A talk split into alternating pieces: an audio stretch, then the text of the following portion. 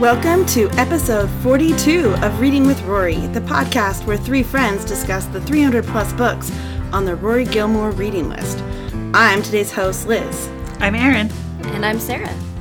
Today we're leaving behind the children's books from the past few episodes and discussing The Children's Hour, which is not a children's book, it's a series play for adults written by Lillian Hellman. The Gilmore Girls reference falls in season 2, episode 13. It's an actual reference to the play. They're talking about reading it. Rory asks um, Lorelai if she said she wanted to read it, and Lorelai confirms. And then they talk about how um, Jane Fonda played Lillian Hellman in a movie called Julia. So a reading reference. So yay! Yay! They're actually Woohoo! referencing the actual book. I feel like it's an accurate representation of what we're trying to do. it's exciting. Um, before we get into the play, though, let's fill i our listeners in on our Friday night dinner selections. So, Sarah, start us out. What are you eating? well, I'm having a.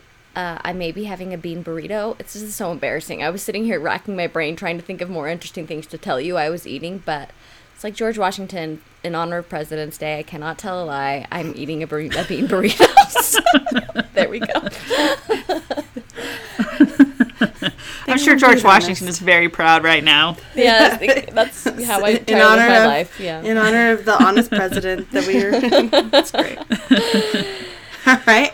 Um, well, I hope it was good. It was good. It was fried, so it was extra good. So really good. Okay. so gross. I'm a so, I'm a so crispy embarrassed. I just burrito. admitted Did that. you go to Taco Time? I did go to Taco Time. I love Taco Time. Oh my gosh, I cannot believe they're even still around. It's amazing. I think it's a local Western United States kind of thing, not a Utah thing, but maybe like Western U.S. I don't see them other places. Anyway, fun fact, Erin, what are you eating? Uh, well, I'm not quite as salacious, but about as boring. I'm eating uh, cheese, string cheese, and crackers. that is pretty boring. That is pretty boring. It's, It's it's solid. I respect it. It's pretty boring to talk about, but I really enjoy it. And so, you know, it's just like a good staple snack, right? Mm-hmm, mm-hmm. Like you could make it sound fancy. You could use the like I'm having Because like a I'm having a charcuterie. well, they they are rosemary sea salt crackers. So Okay, that's there you something. go. And what kind of cheese? I mean, like, is it just She like said it was cheddar a string cheese. Oh, string It's string cheese. cheese. Okay, it's well- it's Sargento string cheese. Light. Oh, so fancy, Erin. Well, you know, that's how I roll. there you go. Um, I'm having a margarita pizza.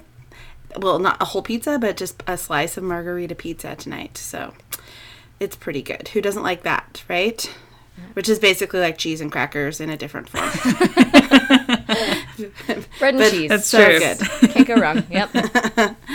Um, all right. Well, that all sounds very delicious. Uh, let's get started and talk about a ch- The Children's Hour by Lillian Hellman. It was her first play, and it premiered in Bro- on Broadway in 1934. It ran initially for 691 performances, and then there's been a few revivals since then, but that was the initial run. So, just in case you missed it in one of those performances, here is the brief synopsis of the three act play. I've added some additions to really f- so we can act- actually talk about the the play, I suppose, right?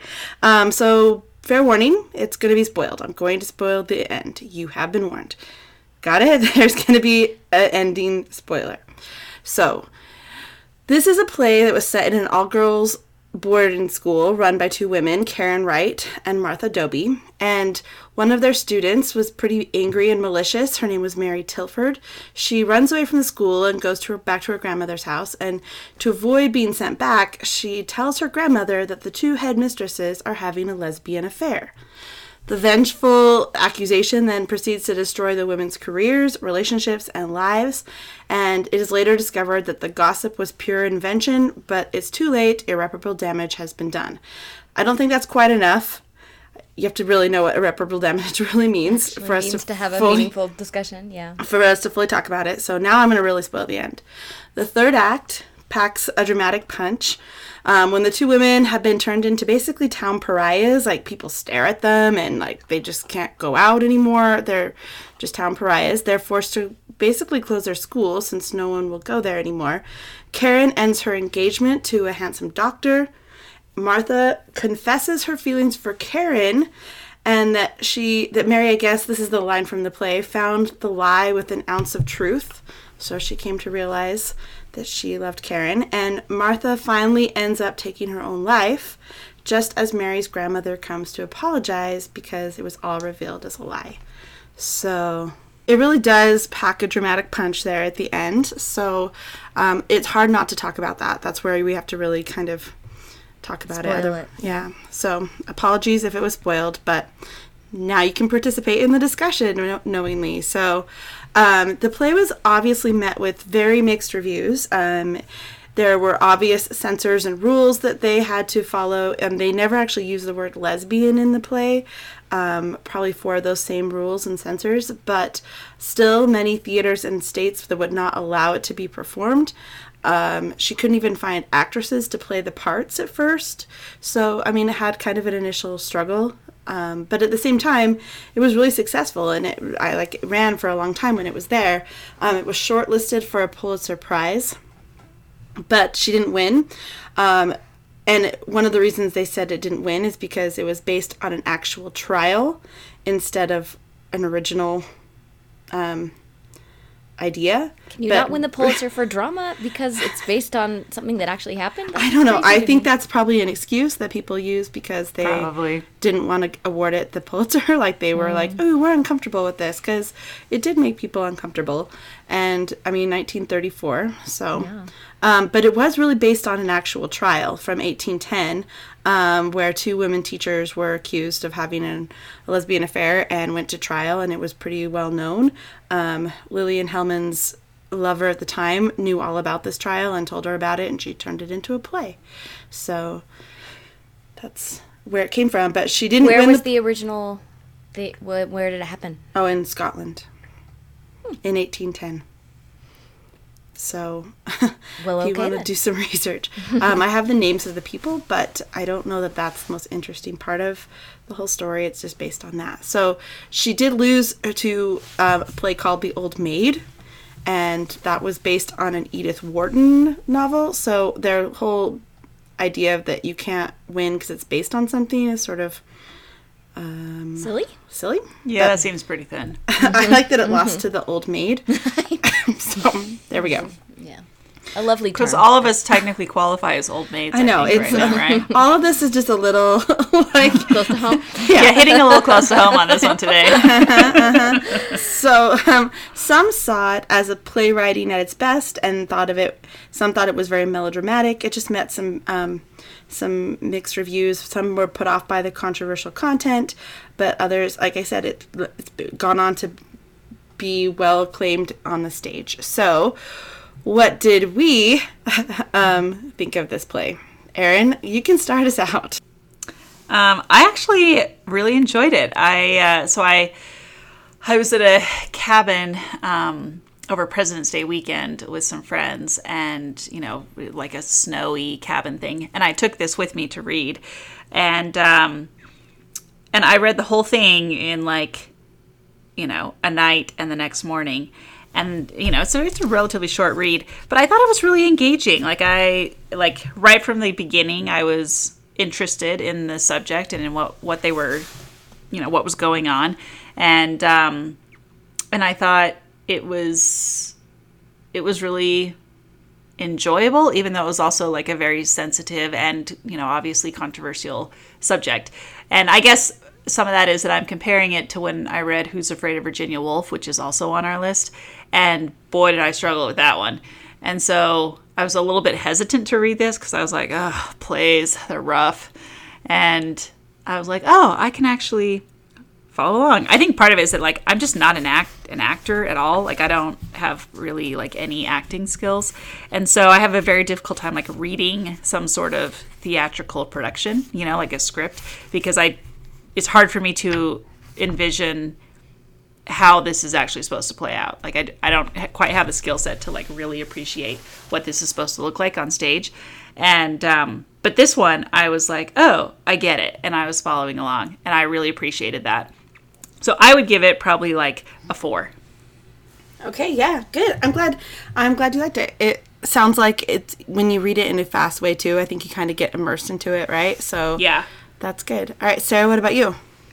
Um, yeah, I liked it as well. I thought it was really powerful, and um, and I thought it, you know, it really builds very effectively. And I thought the characters, I, I mean, I think just the experience, kind of how Erin was talking about, like reading a play, and the stage direction, and there, and the stage direction on this very specific. Like I didn't realize The table sits here. yeah, or like that you cross downstage left to across this couch. You know what I Right, mean? Like right. it's very, very specific. I think that's why that helped me, and the way that the characters are supposed to be interacting. You know, like Mrs. Mortar reminiscently says, Yeah. you know, and I'm like, Yeah. oh, all right, I get, I get that. Yeah, and I think some scripts and screenplays are are like that, and others are just you know it's just straight dialogue and it's trickier. I think that um, yeah, I just thought it was uh, beautiful and sad and powerful, and I would probably give it a four. Okay. I also thought it was, I think, beautiful, sad, and powerful is a good way to describe it, Sarah. So I'll steal that. But I initially went in thinking I wasn't going to like it because I had read just a little synopsis. I'm like, two teachers get accused by a vengeful student. like, oh no. like, this is what? And I just know, like, I just wasn't prepared to really find a lot of. I was more afraid of like the vengeful student part and I didn't realize that I would like it as much as I did. So when I got into it, I um I was like, it. I'll confess to You, I finished the second I didn't I was reading it on my computer and so I didn't know like how much was left really. And I finished the second act and I was like, "Oh, okay, I didn't hate that." Like I thought it was over. Oh, it's just kind of a weird, ambiguous ending, but yeah, I dig it. and I like weird ambiguous endings, and so I was like, oh, oh, yeah, okay, I didn't hate it. And then I read the third act, and I'm like, oh, it was just a stomach punch. It was so hard. It was Yeah, so sad and so so tragic. sad. But I mean, it makes a good play. I can see how it'd be awesome to see it performed, and I thought that like the characters just were really complex in a way for Yeah. what the short amount of what we Yeah. saw of them what the, i thought there was some complexity to it. And even the relationships with like um i mean just every just kind of connection between the different people turned more complex. And it just uh, it drew me in and i felt felt bad for them. And i thought about it after reading it for a while too. I just needed to like process it. So i can imagine i tried to imagine what it would be like seeing it on the stage and just kind of having the curtain go down and be like whew okay. I just saw that. So that's i would say i really I, I I didn't i was pleasantly surprised by how much i enjoyed it um, I mean, the still the vengeful student part of it still not my favorite. Oh yeah, I was reading that. I'm like, I kind of hope this ends with her getting hit by a car. Yeah, like, it's just kind Oh, of- I awful. hated That's- Mary. That's I so hated her. undeveloped. terrible, Like that part isn't really where we see any what like what happens. But then and again, I had some issues. maybe we I'm can glad get into that. that later. I'm sensitive about that as far as like, you know, young girls being like, "Oh, you're crazy. Oh, you like you're not really sick." Like I don't know. I feel like there's some some kind of dangerous stuff happening there. But then she's also just clearly a terrible person. So you know what I mean. It's just anyways. Well, and at first, I think that's actually a really interesting part because at first you don't know, right? Like it's clear that like she seems like, like maybe she's a troublemaker, but maybe not. Like you're not really sure if the teachers are picking on her or not. But as the story progresses, you're like, oh no, you're like evil. Yeah, and they're not picking on her. Like, oh, I'm sorry, you can't go to the boat. Like, they're punishing her for something, right? She's being uh, whatever for what the circumstances are. They tell her she can't go to a boat race, and so clearly she's acting out because she's mad.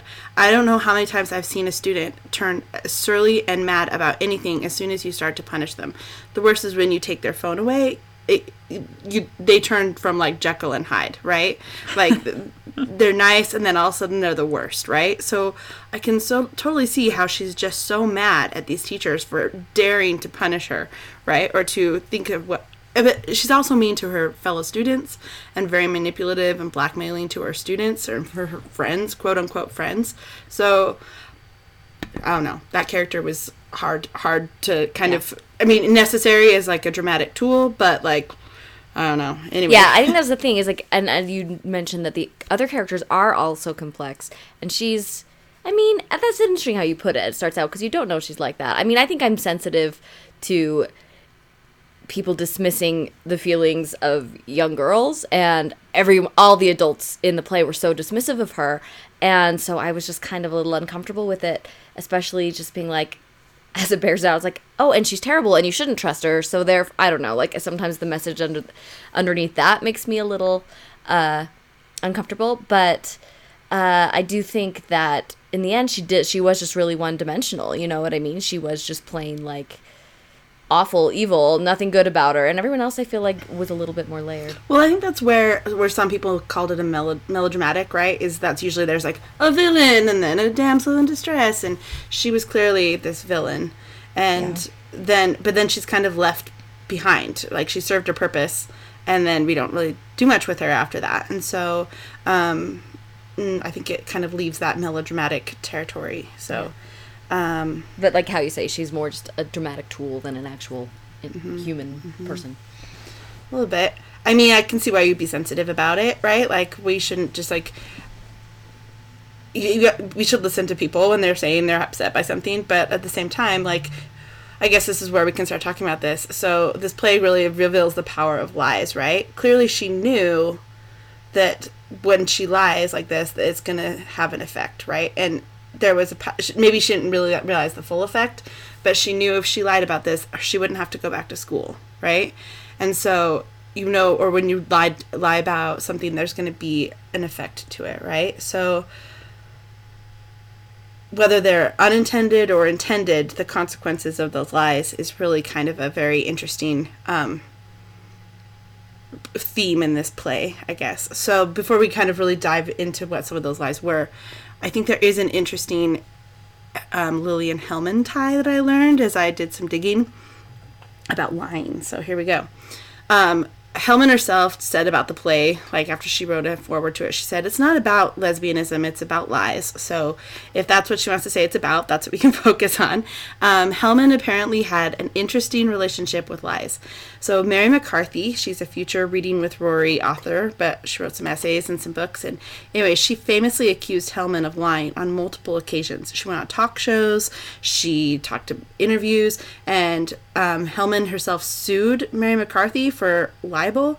And this lawsuit went until 1980 when Hellman died. It was like a million dollar, two million dollar lawsuit about accusing Hellman of being a liar, basically. And this is a quote from Mary McCarthy that I've heard in other places and didn't realize it was really tied to this, but it said, Every word she writes is a lie, including and and the. so, really, just kind of everything she's saying isn't true. So, you're right. Well, she writes plays, right? But some of this But- isn't in plays.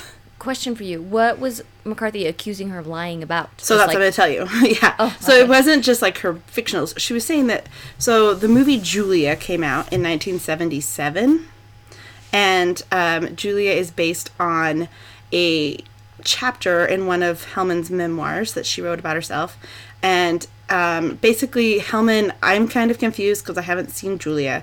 So, from what I can tell, she wrote um, she wrote a memoir called Pentimento, and there's a chapter where she talks about how she helped someone in World War II with who was Jewish, and she gave all this money to a hospital, and she was talking about her involvement with this in World War II. And later, it came out, and it wasn't just her saying this. There were lots of people. Um, it was actually supposedly about Muriel Gardiner instead of about Lillian Hellman. But um, Martha Gellhorn, who was um, a reporter, Hemingway's wife, right? yeah, Hemingway's third wife, and she was a reporter in the in the in Europe at the time too. Basically, is like confirming what Mary McCarthy's saying that this is not what happened, and so all these things. It's like all these literary people, McCarthy, Gellhorn, Hemingway. They're all accusing Hellman of lying about that. They're also accusing her about her involvement with the Communist Party. Um, they t- call her an unrepentant Stalinist it's all sounding pretty sordid, right? So Also, Yeah. I would like to understand the difference between a Stalinist and a communist. we'll call Mary McCarthy. Okay, I will. I mean, Hellman was blacklisted. She was part of the um, she was part of the McCarthy trials. Um, different McCarthy, but the McCarthy trials. Um, in- Like that, that should be noted, not the same McCarthy. yeah, um, she was she was blacklisted, and um, she was definitely had lots of uh, accusations and ties with um, left leaning or communist party in- stu- stuff in their life. So this is She sounds like she has a fascinating. I know, right? So this is not related to the play in any way, except that for someone who wrote a whole play about a, with chi- truth is a child yeah. with Yeah. a very loose version of the truth, right? And how the power of those lies can affect someone. It's just interesting that uh, that's kind of a legacy that follows her, really. So. Um, Someone in an essay I read said that Mary was a liar with a romantic attachment to her own lies, which I guess maybe could fit Hellman as well. But like, what do we think?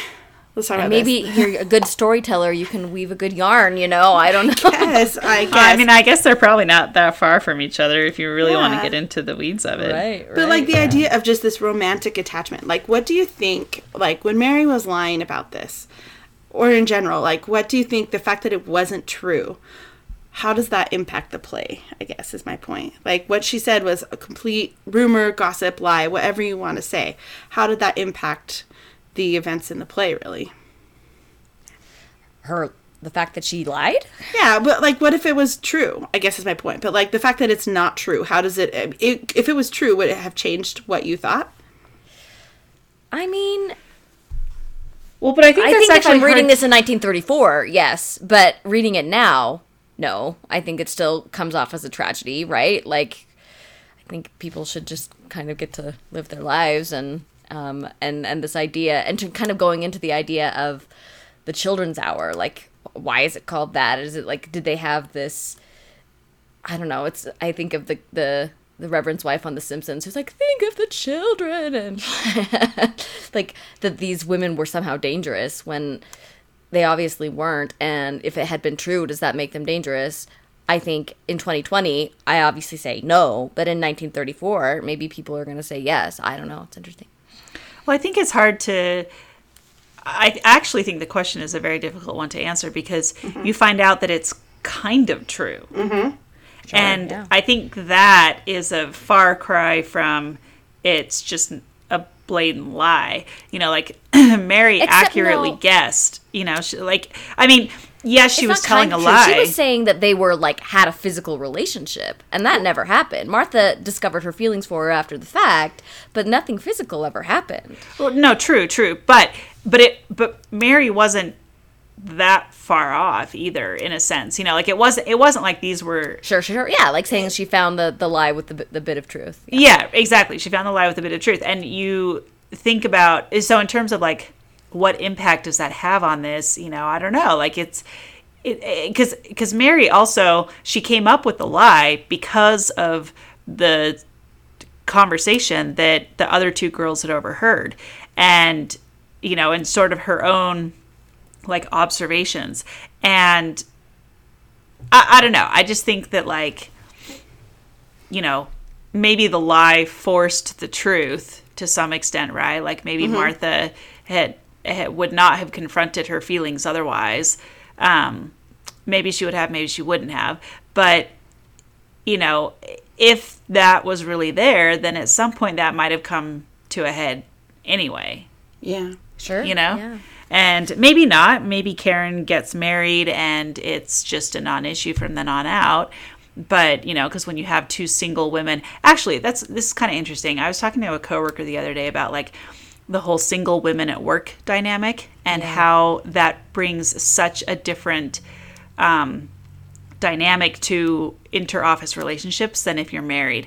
And the thing, because this coworker I was talking to, he's single, and we were talking about going to lunch and how and the idea of like a single woman going to lunch with a married man, and how so many men are just like flat out unwilling to do that. And you know, it's kind of the whole discussion about like married men. You know, the Mike Pence thing, right? Mm-hmm. About like Yeah. he, he won't be in the room with you know. Anyway, and so um, Not even married or single, he won't do it. But anyway, Right, like he's he's very extreme with it, but a lot of men won't go to lunch or won't have one-on-one interactions with single women, and um, and that can be so detrimental to the career of a single woman. And what I was telling my coworker, I was like, I just get really frustrated with this whole idea of like just because I'm single, I'm going to go all fatal attraction on my coworkers. You know, like like what does that say about how you think of me? And what does that say about how you think of yourself you know like and how you think of women. and how you think of women right. And because i said mm-hmm. to him i was like well what about if it was a married woman? You know would it be a problem if a married man and a married woman who were married to other people went to lunch together? Mm-hmm. And he was like well yeah that'd probably be fine.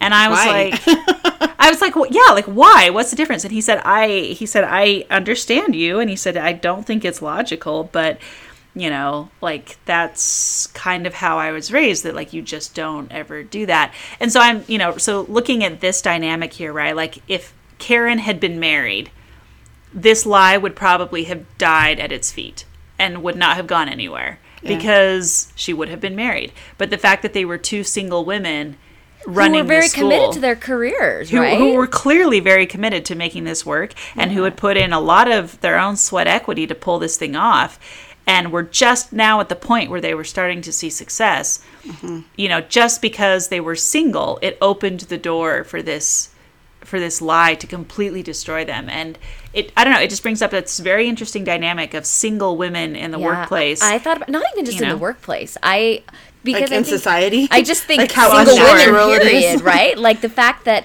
everyone was so anxious to believe that because they're uncomfortable with single women, and that these two single women who are living, you know, a life that's slightly different from your quote unquote traditional path for a woman and it I think this story took hold so easily because people are uncomfortable with that. And that hit real close to home for me. And I thought that because I think in a lot of ways, at least in the culture that we live in, that's not super different. And and I think this speaks to it really powerfully and like in really subtly powerfully ways. It's mm-hmm. Mm-hmm. Mm-hmm. Well, and and so much of it is totally out of your control. Like you know, with my coworker again, you know, I was like, "Well, is that why you don't go to lunch with me if it's just the two of us?" And he's like, "Well, yeah, like I don't want." people in the office to think that I'm trying to date you. And I was like, "But wait a minute. I'm just a person that you work with. That's Right, exactly. And and the thing that really got to me was like, where's my agency in all this? You know, like why is it that just because I'm single, automatically if you like you're pursuing me and that's the end of the story? Like where is my half of mm-hmm. any sort of like potential dating mm-hmm. opportunity there? Or where's just yeah, I love it in your agency, and because I think in this time you think about like as a single woman who's working, you're either a spinster, a lesbian, or you're dead. I don't know. I don't. There's not just another way. You know what I mean? Like, Wait, in this time or in our time? Uh, Which one are you talking about? I was talking about that time, but I mean, mm, dot dot dot. We'll just leave that out there. Like, so think about that. But no, I do think it does bring up this like fear of the different and unnatural that they see in Karen and Martha, right? But Mm-hmm. it, it, the hard part I think is hard is that it's so out of your control to to control what other people perceive and believe. Yeah. About about a person, right? Like those other people's fears, other people's like and their- upbringings or their whatever. own How do you is contend with informing, and it has nothing to do with you. Mm-hmm. Yeah. yeah. I mean, I, in that same essay where they're talking about how she had a romantic attachment to her lies, they were saying too. I think this is a quote I pulled from it that in that in the sense both women display a single-minded dedication. Normally, that it's assigned to men. Like we're usually, oh, we're so dedicated to our husbands or to are you know to falling in love. Instead they're dedicated to their job as teachers or to raise helping these girls. They're career women and that in itself comes to be held against them as both unnatural. Like they're both never considered mind unnatural because they are committed to their job. Hold Yeah. let- i'll let you finish hold on sarah. It is worth remembering that america the world's democracy had great difficulty with women who were independent of men either economically or sexually. Like it the perception of people at that time and lillian herself she fell under this i think a little bit too. I mean there's a fear and sort of a not sure which box to put people in when that's held because it's so different or unnatural. And I think that's the word they keep using in the play too is unnatural, which is Yeah. why I'm using it. It's not my real favorite word to use, but Yeah. it just doesn't I feel really kind of gross about it, but you, you Yeah. I mean, that's the, there were there were code words throughout Mm-hmm. the play, and for sure that was the first one that popped up. And I, you know, again, that's that reads differently in 2020 than it would in 1934. And yeah, I do agree that it is a good exploration in this play about the that fear of the unknown or the different. I think that's you know obviously prejudice that comes into play here for um, all sorts of you know single lesbians like people like whatever it is you want to classify what they're afraid of. But like, isn't that the just the definition of Yeah.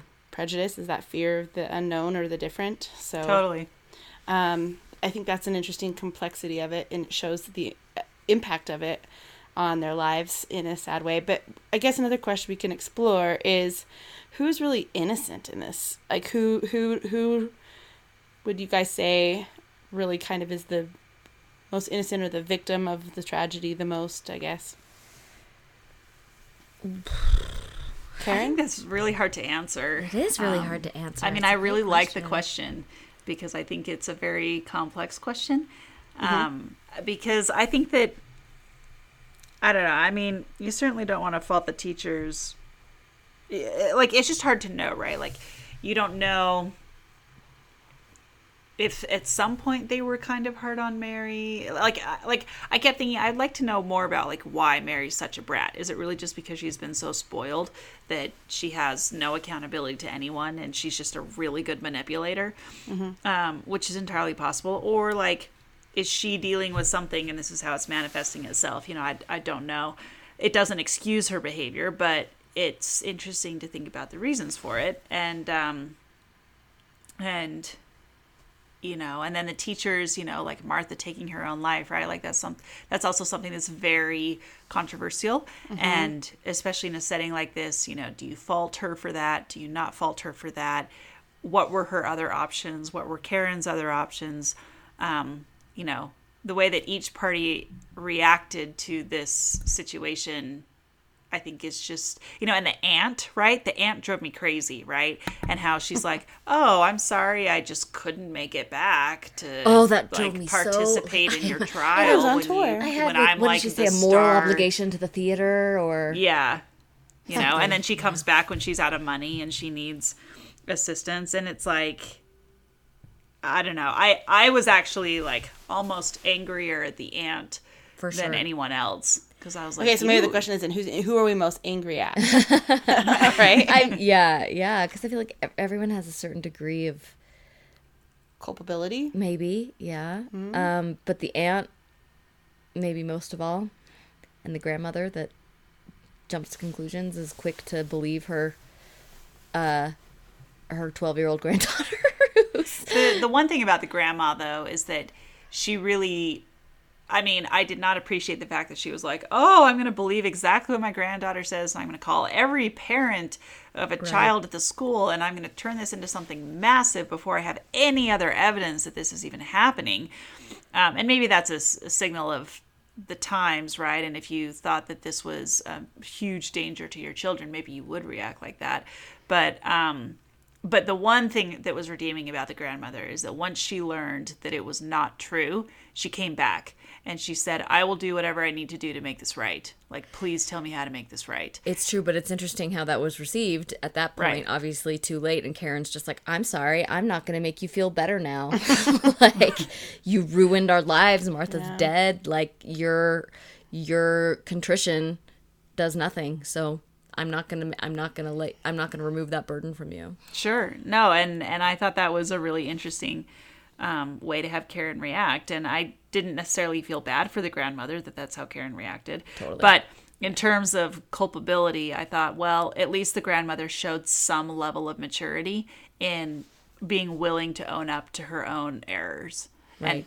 Try like once she realized that it had been an error and once she realized because i think they say early on in the play that the grandmother spoils her and it doesn't matter what anybody says like she just hasn't been willing to like see through mary's you know see through her own rose colored glasses to see well, what's what. yeah, what's know? interesting is that initially she does kind of like okay, like settle down. You Sending you fainted. back to school. You're going back to school. You're not really sick. You're just all worked up. Like she kind of knows her deal. Like she, and it's it's as soon as she delivers this shocking information that you know I think those other instincts driven by those things we've already discussed are Well, are maybe I also think too that her refusal to like see um that Mary's capable of this, right?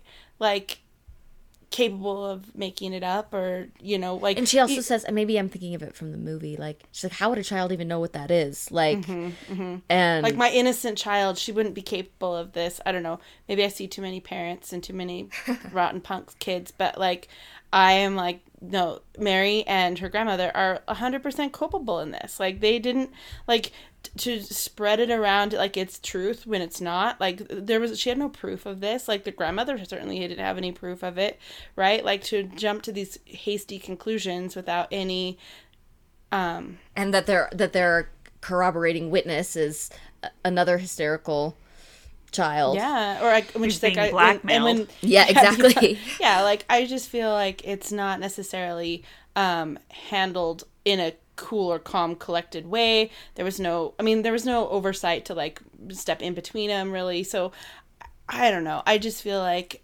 um, that it's definitely like it falls onto Mary and to the grandmother. Like they're the Are we are we seeing echoes of um atonement?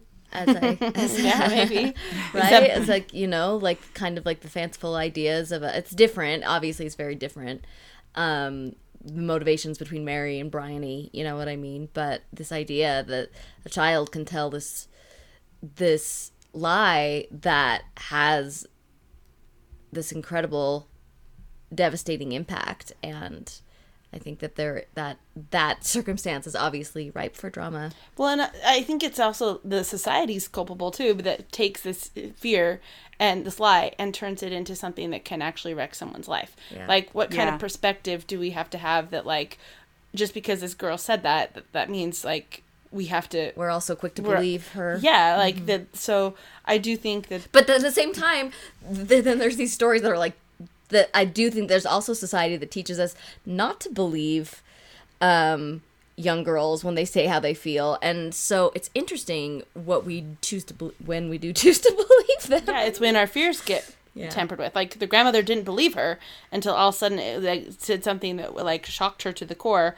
and then all of a sudden she couldn't even act rationally. Like go to your room, go do whatever you need to do. I'm gonna make all these phone calls and get everybody out of the school. Um, I don't know. It doesn't. It's not that extreme usually, but parents can fly off the handle pretty fast if you make them mad. You know. So like I think that um. I don't know. Like it's it's a tricky Interesting questions. tricky tricky with like the whole idea of the power of just like what a a, a, pla- a good planted gossip or good planted lie can really do to spread and b- blow into something that's even beyond what Bigger. we think it could be right Yeah. Yeah. So When in her head it was just, you know, maybe in Mary's head she just wanted a way to avoid having to go back to school. but and- then she doubles down on it right like it's not like I think Mary knew exactly what yeah she was doing. here's your chance here's your chance tell the truth and she's like nope it's true and then she you know pulls other people into it right i think she 100% knew what she was doing I think she 100% knew what she was doing when she doubled down. But when I, I do at the same time think she is a child, and Mm-hmm. did she fully understand what it would mean for the lives of these women? Mm-hmm. And, you know, because she was selfish and didn't didn't want to be punished. Yeah. I don't know. i mean i think this kind of leads to another idea too that i had it was, we read this play in 2020 right it was written you know almost 100 years ago um clearly gossip misinformation false accusations right that Fake still whatever that can destroy reputations and lives today still right so the matter of like rooting out the truth and figuring out what's true and what's not i think is kind of a resonant theme that goes into reading it today. Um that's one way i saw it reading today. But another also really centers around that changing attitude and the rights of um like we've had a lot of growth in the you know LGBTQ um, society, but I would still say that that suicide rates among LGBTQ youth is or adults even is high, and that's it's I've been through enough suicide trainings to know that what happens to Karen is not an uncommon You mean situation. Martha? Yeah, Martha. That's what I meant. right? I found a statistic that said um, youth who LGBTQ youth who come from highly rejecting families are 8.4 times as likely to have attempted suicides as um, peers who have no or low levels of family rejection. So that's the idea that like Martha's feeling this like societal pre- rejection and Yeah. fear is what causes that likelihood. I don't think that I think we have to read that in today. It's an issue, right? Mm-hmm. So Yeah. I don't know. Do you guys see other ways that we read this play today that kind of stood out to you? I think these these themes of of truth and lies and and fear and prejudice are pretty timeless and I do think it's interesting that this was written in 1934 based on an incident that happened in 1810 and there wasn't that much change in how people felt how societies felt about you know the acceptance of of LGBTQ, whereas in the last 90 years, that has changed dramatically. Well, it's Um, even changed dramatically in the past, um, th- you know, 25 years. yeah, Um, oh, yeah. You know, that's what I'm saying. How quickly th- that that has changed, and I think that we do read it obviously very differently in that respect than than the contemporary Mm-hmm. audience would have read it. Yeah. Um, well, let's not let's move on and talk about the pop culture elements of this. Um, Lillian Hellman directed the Broadway revival. Um, as uh, well, she did the first thing. She did the first run in 1934, and then there was a revival in 1952 that went on stage. Um, this revised stage production um, was basically put out there as a con- and construed as an implied criticism of the House Un-American Activities Committee, and uh, Hellman was blacklisted and feared for her unnatural ways. And Arthur Miller saw the play and wrote The Crucible. So yeah, Wow. I There was we gonna you can see definite echoes of the Crucible in this. for sure. Um, there was another revival in 2008 in Manchester, and then there was one in 2011 in um, London that starred Keira Knightley and Elisabeth Moss. That sounds pretty I bet that would have been so cool to see. Yeah. so, yeah, that would have been good. um, the play was made into a movie by William Wyler twice, actually. It was out. It was in 1936. A movie that was called These Three was a better title actually for me than uh, Ch- the the Children's, Children's Hour. Hour, which tells you nothing. But in 1936 movie, they uh, it was more about a heterosexual love triangle, so it wasn't quite so controversial. Um, but well, then, because I mean, like the Hays Code in the 30s, like you could that, Yeah. that- there was no way you could have made that movie. yeah, yeah, yeah. But then they made it in the 1961 version. They called it the Children's Hour. It starred Audrey Hepburn, Shirley MacLaine, James Garner. Also directed by Wyler. He did the same movie twice, which is pretty amazing. Interesting. William Wyler was no no slouch. He directed some classics for sure. Yeah. So Sarah and I watched this movie last night, but we, I I thought it was actually more Super interesting boring to read. Yeah, I liked reading it. Did you have you seen it, Erin? No, not yet. Um, I mean, watching Audrey Hepburn is always interesting, right? Like it has, it's well acted, but I. it was really drawn out. It was. It took longer to watch the movie than for me to read the play, and I thought, They added some stuff in I didn't love. Yeah. They kept a lot of the lines the same. So. yeah, a lot of the dialogues right straight from it. But um, yeah, I just feel like that third act, especially as you read it, it's just like the hits just keep on coming, you know, and you just finish and you're just like, oh. and when I finished the film, I was just kind of like, yeah, okay, like that was boring. I w- I'm bored. the shock wasn't there anymore. Yeah, maybe. Um. Yeah. No, it was it was interesting to see Shirley MacLaine and Audrey Hepburn together. Is that, I. mm, Audrey I- Hepburn I- playing Karen and Yeah, Shirley I MacLaine plays didn't really Yeah. buy their their relationship as being like not. I I just didn't see. I just didn't like to those two together didn't work well for me. I don't know why. I just didn't bother. It just didn't seem like they were like connected as friends or connected as you know reported lesbian lovers. Like I just didn't see any You didn't see like a real dynamic between them. There's not a lot of scenes between the two of them. In the play, there's that one where she's like, "Well, John and I are gonna get married," and Martha's kind of like, "Oh," and she's a little bit thrown. She's like, well, "I thought we were gonna go on vacation," and she's like, "Well, yeah, but now I'll be married. and You can come too," which is also weird. Yeah, I thought that was strange. Like, Yeah. yeah, just come on our honeymoon. Yeah. and Joe was totally fine with it. right and um and martha was a little bit upset by that but you, there weren't a ton of like scenes of just like where you got a sense of what their relationship Yeah. is separate from anything else in the play either so Yeah, that's true.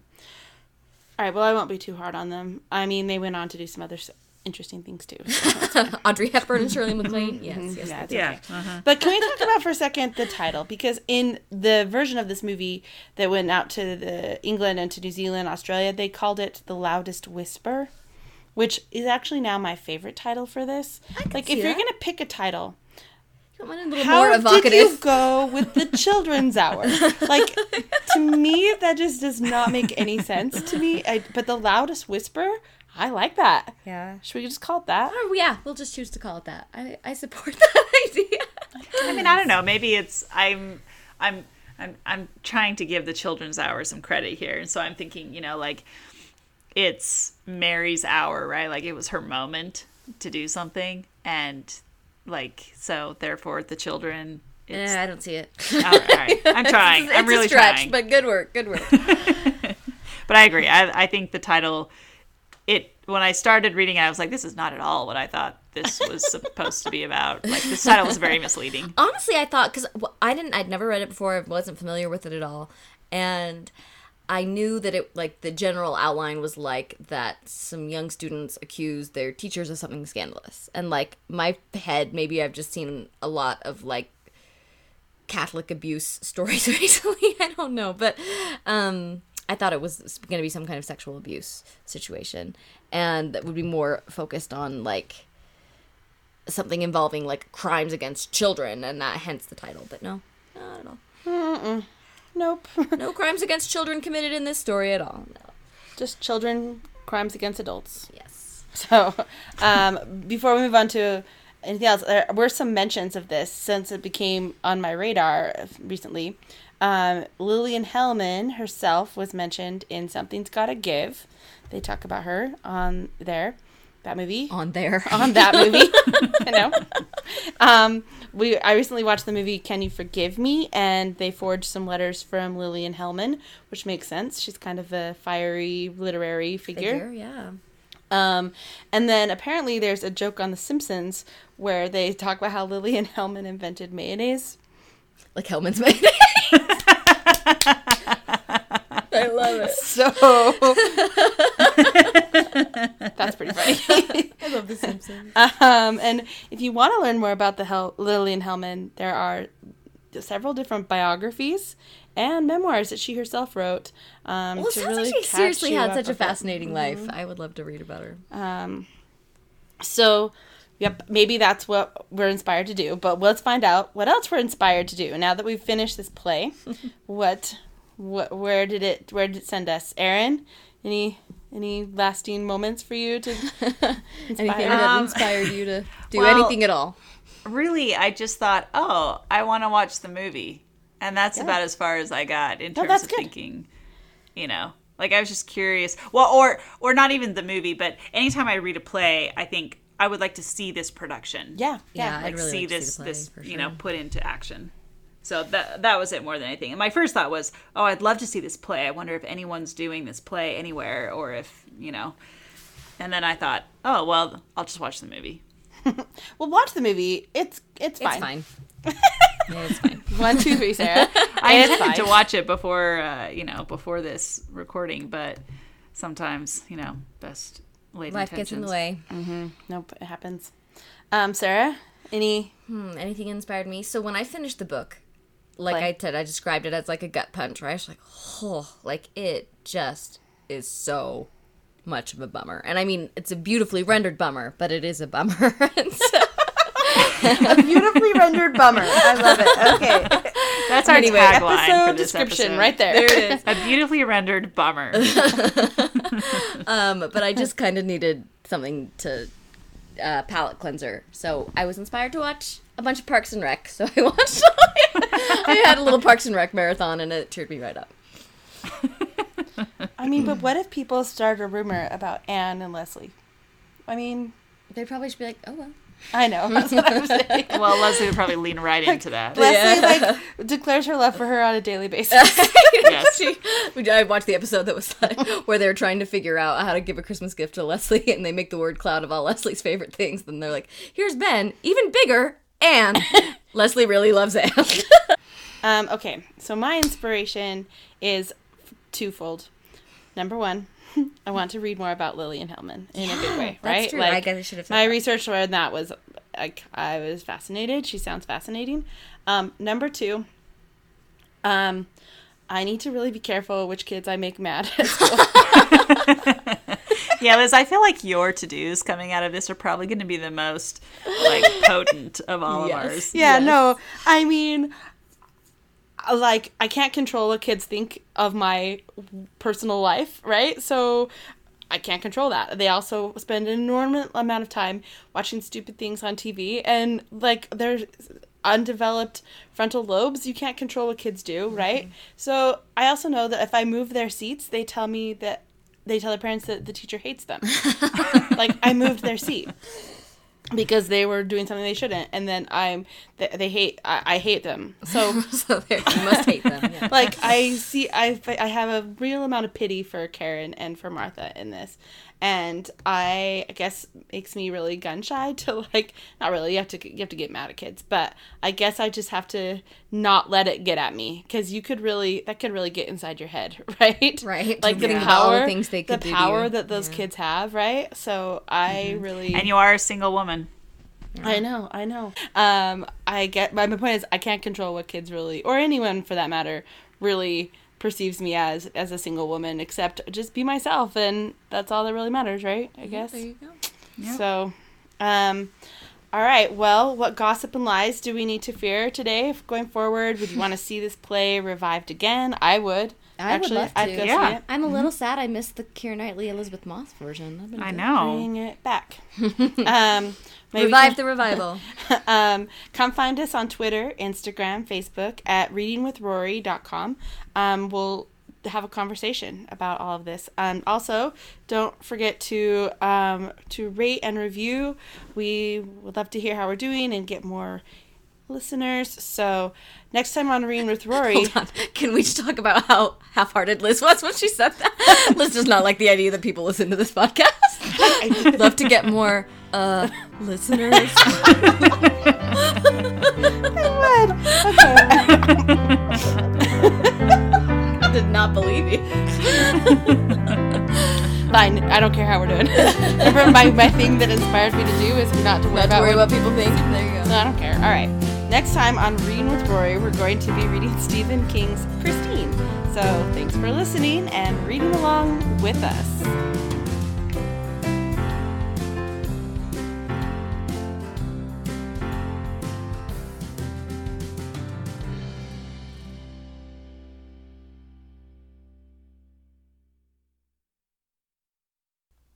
Um,